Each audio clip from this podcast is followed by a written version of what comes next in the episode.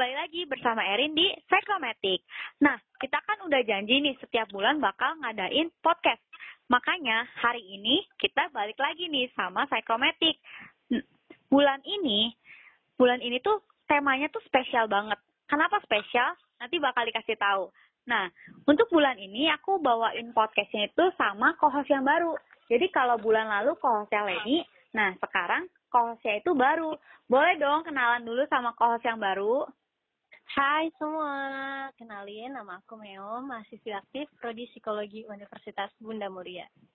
Nah, Mek, tadi tuh di awal gue jelasin kalau misalnya bulan ini tuh temanya tuh spesial banget. Kenapa sih tema bulan ini tuh spesial banget?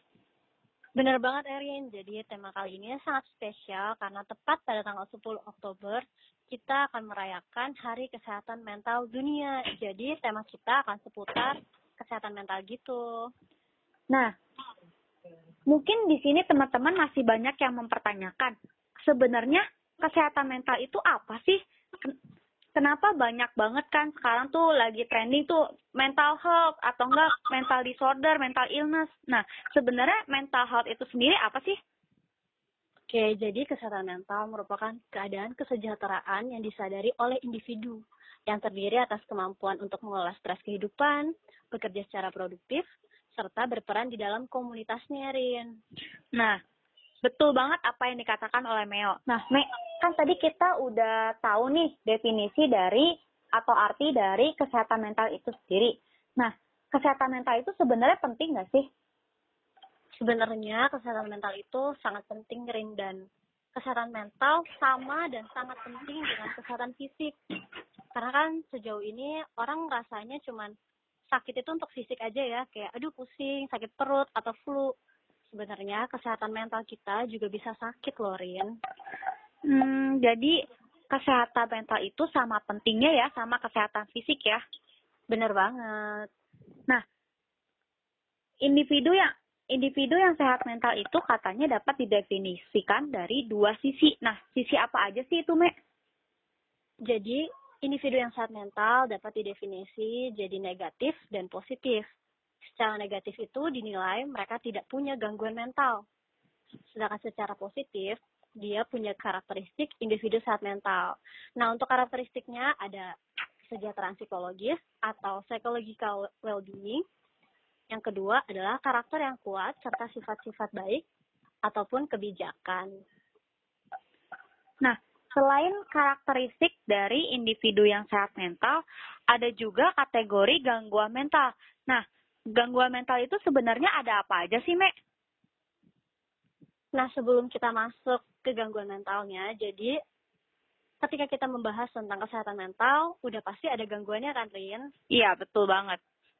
Dan gangguan di dalam kesehatan mental itu menurut riset kesehatan dasar 2013, yaitu ada gangguan mental emosional, yaitu depresi dan kecemasan, dan ada gangguan jiwa berat yang berbentuk psikosis. Nah, Mek, tadi kan kita udah tahu nih eh, gangguan mental itu terdiri dari apa aja. Nah, pada konteks kesehatan jiwa sendiri, ada nggak sih istilah istilah untuk individu yang mengalami gangguan mental atau gangguan jiwa? Tentu ada, Rin. Jadi, kalau kita biasanya dengar, eh dia orang gila ya, dia stres nih. Itu sebenarnya sangat tidak disarankan ya untuk kita semua bilang atau memblame atau melabeling orang dengan kata gila. Jadi, untuk kita semua yang udah dengar podcast ini, harus banget belajar dan juga menerapkan kalimat-kalimat ini. Jadi yang pertama itu ada orang dengan masalah kejiwaan atau ODMK. Sebutan ODMK ini digunakan untuk orang yang memiliki masalah fisik, mental, sosial, pertumbuhan dan perkembangan, dan atau kualitas hidup sehingga memiliki resiko mengalami gangguan jiwa. Yang kedua, itu ada orang dengan gangguan jiwa atau ODGJ. Untuk sebutan ODGJ ini diperuntukkan oleh orang yang mengalami gangguan dalam pikiran, perilaku, dan perasaan yang termanifestasi dalam bentuk sekumpulan gejala dan atau perubahan perilaku yang bermakna. Jadi kita nggak boleh lagi tuh menggunakan kata orang gila atau orang yang gak waras nih. Jadi lebih disarankan untuk menggunakan kata ODMK dan atau ODGJ. Nah, Mek, eh, sebenarnya yang kena gangguan jiwa itu, yang kena gangguan mental itu, sebenarnya itu usia ada usianya nggak sih? Sebenarnya untuk kesehatan mental bisa mengidap atau terkena ke siapa aja tanpa melihat usia loh Rin. Jadi makanya kita harus banget aware atau waspada dengan kesehatan mental kita. Nah, e, kalau misalnya nih sekarang tuh kayaknya tuh banyak banget orang yang gampang melabelin dirinya e, misalnya e, dia mood swing nih, terus dia mood swing terus bilang, aduh gua kayaknya kena bipolar deh. Nah, menurut tanggapan tanggapan Meo gimana? Untuk tanggapan aku, untuk kalian yang mendengar podcast ini dan merasa, aduh mood aku suka berganti, atau aku cemas ya, atau gejala-gejala lain, sangat disarankan jangan self-diagnose. Karena untuk melihat gejala gangguan kesehatan mental itu, nggak cuma dari satu aspek gitu loh, Rin. Hmm. Jadi kayak, kalau kita mood swing, belum tentu kita bipolar. Jadi, jadi buat kalian yang mendengar podcast ini disarankan banget ketika kalian ngerasa nggak nyaman dengan diri kalian atau ngerasa ada yang berbeda atau cuma sekedar butuh support system disarankan untuk ke psikolog. Jadi jangan self diagnose gitu Rin. Kalau menurut Erin self diagnose itu baik atau enggak Rin? Kalau menurut uh, eh, gue sendiri ya self diagnose itu tuh sesuatu yang salah banget Kenapa? Karena bisa jadi sebenarnya tuh kita nggak kenapa-napa. Sebenarnya tuh kayak kita tuh cuma uh, cemas biasa gitu, kayak cemas yang sehari-hari, yang umum, yang nggak bikin kita tuh nggak bikin nggak nggak merusak nggak merusak kehidupan kita cuman karena kita self diagnose dan kita tuh terus mikirin aduh gue kayaknya gue kayaknya ini gue kayaknya ini nah lama-lama kita yang sehat itu nanti bakal malah bakal kejadian gitu kita malah terdiagnosa oleh gangguan itu sendiri gitu. Padahal sebenarnya kita tuh orang yang sehat. Kayak gitu sih kalau pendapat dari dari gua, Me. Bener banget, Rin. Jadi kadang kita tuh ngerasa jangan-jangan gue bipolar deh. Atau jangan-jangan gue depresi. Itu sangat tidak disarankan banget untuk kita kayak gitu. Karena balik lagi yang tadi, apa yang kita alami belum tentu merupakan gangguan jiwa atau gangguan kesehatan mental. Betul banget.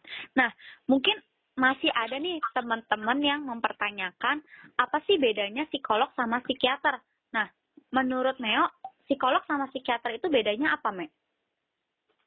Sebenarnya pada faktanya ya, banyak banget nih orang yang masih bingung antara psikolog sama psikiater. Jadi aku mau jelasin sedikit, mungkin ini basic, nggak terlalu mendalam ya. Jadi untuk psikolog itu dia dari jurusan aja tuh udah beda. Untuk mengambil psikolog, kita harus masuk prodi psikologi. Dan untuk mengambil psikiater, itu harus kedokteran. Betul. Jadi, beda banget yang ditangani. Kalau misalnya psikolog, itu kita ngasih treatment dalam bentuk terapi, atau konseling, atau psikoterapi lainnya. Dan untuk psikiater, itu kita memberikan dalam bentuk obat. Jadi buat kalian, mungkin sekarang harus aware ya, ada bedanya antara psikolog dan psikiater. Nah, setelah kita tahu definisi dari kesehatan mental, terus kita juga tahu nih uh, tentang gangguan mental, terus kita juga tahu bahaya dari self diagnosis. Nah, lalu ada pertanyaan terakhir nih, gimana menjaga kesehatan mental? Jadi cara untuk menjaga kesehatan mental ada beberapa nih Rin. Jadi untuk kalian yang mendengar, mungkin bisa pilih salah satu atau menerapkan semuanya. Yang pertama itu ada percaya diri dan berpikir positif.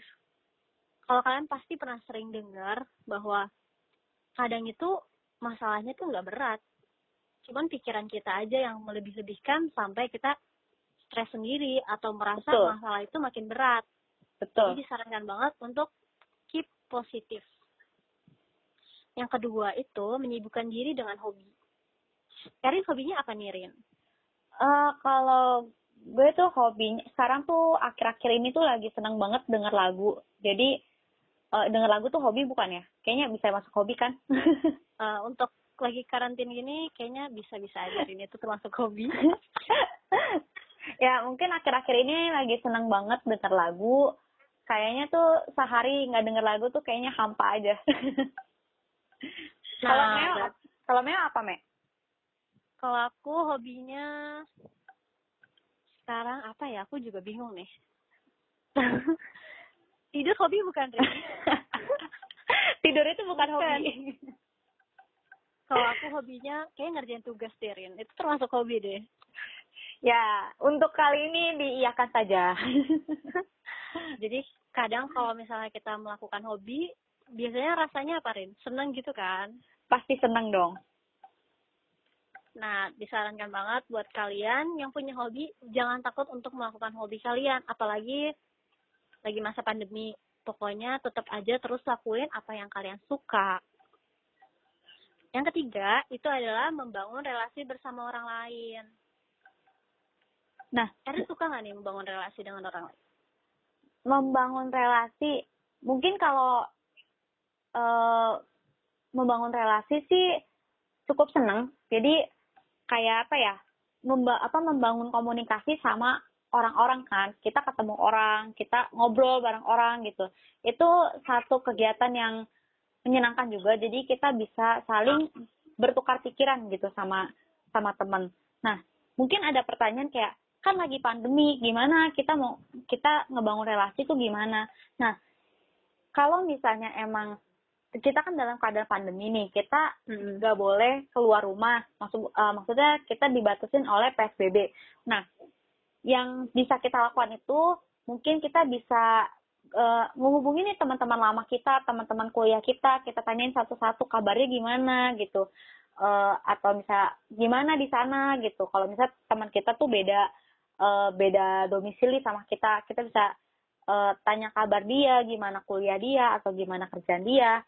Atau bisa juga kita join nih organisasi organ misalnya UKM atau UKR di kampus gitu kita join terus kita bisa ketemu banyak orang baru nah kayak gitu untuk membangun relasi yang efektif mungkin ya selama pandemi Benar banget, Rin. Karena membangun relasi sebenarnya nggak cuma secara langsung ya. Kita juga bisa via handphone atau zaman sekarang lagi terkenal via Google Meet atau Zoom ya. Itu kita bisa relasi dengan teman-teman. Dan untuk kalian yang ikut organisasi atau bahkan yang belum ikut, cobain ikut karena membangun relasi dengan orang-orang yang berbeda itu juga mendapatkan ilmu yang berbeda nggak sih, Rin? betul banget kita jadi tahu kalau misalnya hmm, gini kita bisa tahu eh, kalau jadi kita nggak hidup dengan pemikiran kita sendiri gitu. Kita jadi bisa tahu oh ternyata di dunia luar tuh pemikirannya ada banyak ya. Ternyata orang tuh sifatnya beda-beda. Nah kita jadi lebih tahu kayak gimana misalnya ngadepin orang dengan sifat A ngadepin orang dengan sifat B gitu. Jadi kita bisa belajar gitu loh. Secara tidak langsung itu eh, membangun eh, membangun apa ya apa kemampuan kita untuk menghadapi orang yang berbeda-beda. Benar banget, Rin. Selain daripada itu, kadang kita kalau punya relasi atau hubungan dengan orang, pasti juga kita memperoleh dukungan. Jadi semakin banyak kita berelasi, pasti kita bakal dapat social support yang berbeda-beda dari teman-teman kita. Betul banget. Yang lanjut ya, kita yang keempat ada rutin menjaga intensitas berolahraga. Nah, Irin tahu nggak sih kalau misalnya olahraga itu selain penting buat fisik, juga penting buat kesehatan mental. Gua baru tahu tuh kalau olahraga ternyata ngebantu menjaga kesehatan mental kita. Seperti yang tadi aku udah bilang ya, bahwa kesehatan fisik itu sangat penting dengan kesehatan mental. Jadi, ketika fisik kita juga fit, itu bisa membantu kita untuk berpikir lebih jernih atau lebih positive thinking gitu. Jadi buat Oh. kalian yang kaum rebahan, ayo kita mulai beri olahraga supaya nggak cuman tubuh aja nih yang fit, tapi pikiran juga. Karena kalau tiduran lama-lama pasti mumet juga kan. Betul. Nah, yang kelima itu mencukupi kebutuhan nutrisi. Nah, jadi tandanya kalian harus makan. Jadi jangan mentang-mentang di rumah ah skip makan antar lagi aja jam makannya tuh jadi berantakan. Nah, tetap harus punya jam makan yang tepat waktu gitu. Jadi ke tubuh kalian tuh nggak telat menerima nutrisi dan penuhi juga empat sehat lima sempurna. Jadi kalian tetap makan sayur, tetap makan buah, tetap minum air putih yang banyak, terus jangan lupa sekarang itu kan lagi pandemi nih. Jangan lupa minum vitamin. Bener banget, Rin. Karena sebenarnya pilihan makanan yang kaya akan gizi itu sangat baik untuk perkembangan pola pikir. Wah, buat kaum Indomie mulai sekarang harus sehat ya. Jangan Indomie terus. Nah, jangan makan intinya boleh asal jangan berlebihan. Betul. Karena sesuatu yang berlebihan itu tidak baik. Betul. Selanjutnya, yang keenam ada istirahat yang cukup. Jadi istirahat itu cukup ya, Rin. Betul Bukan banget. Harian tiduran aja kerjanya. Jadi kita harus istirahat yang cukup, nggak berlebihan dan nggak kekurangan.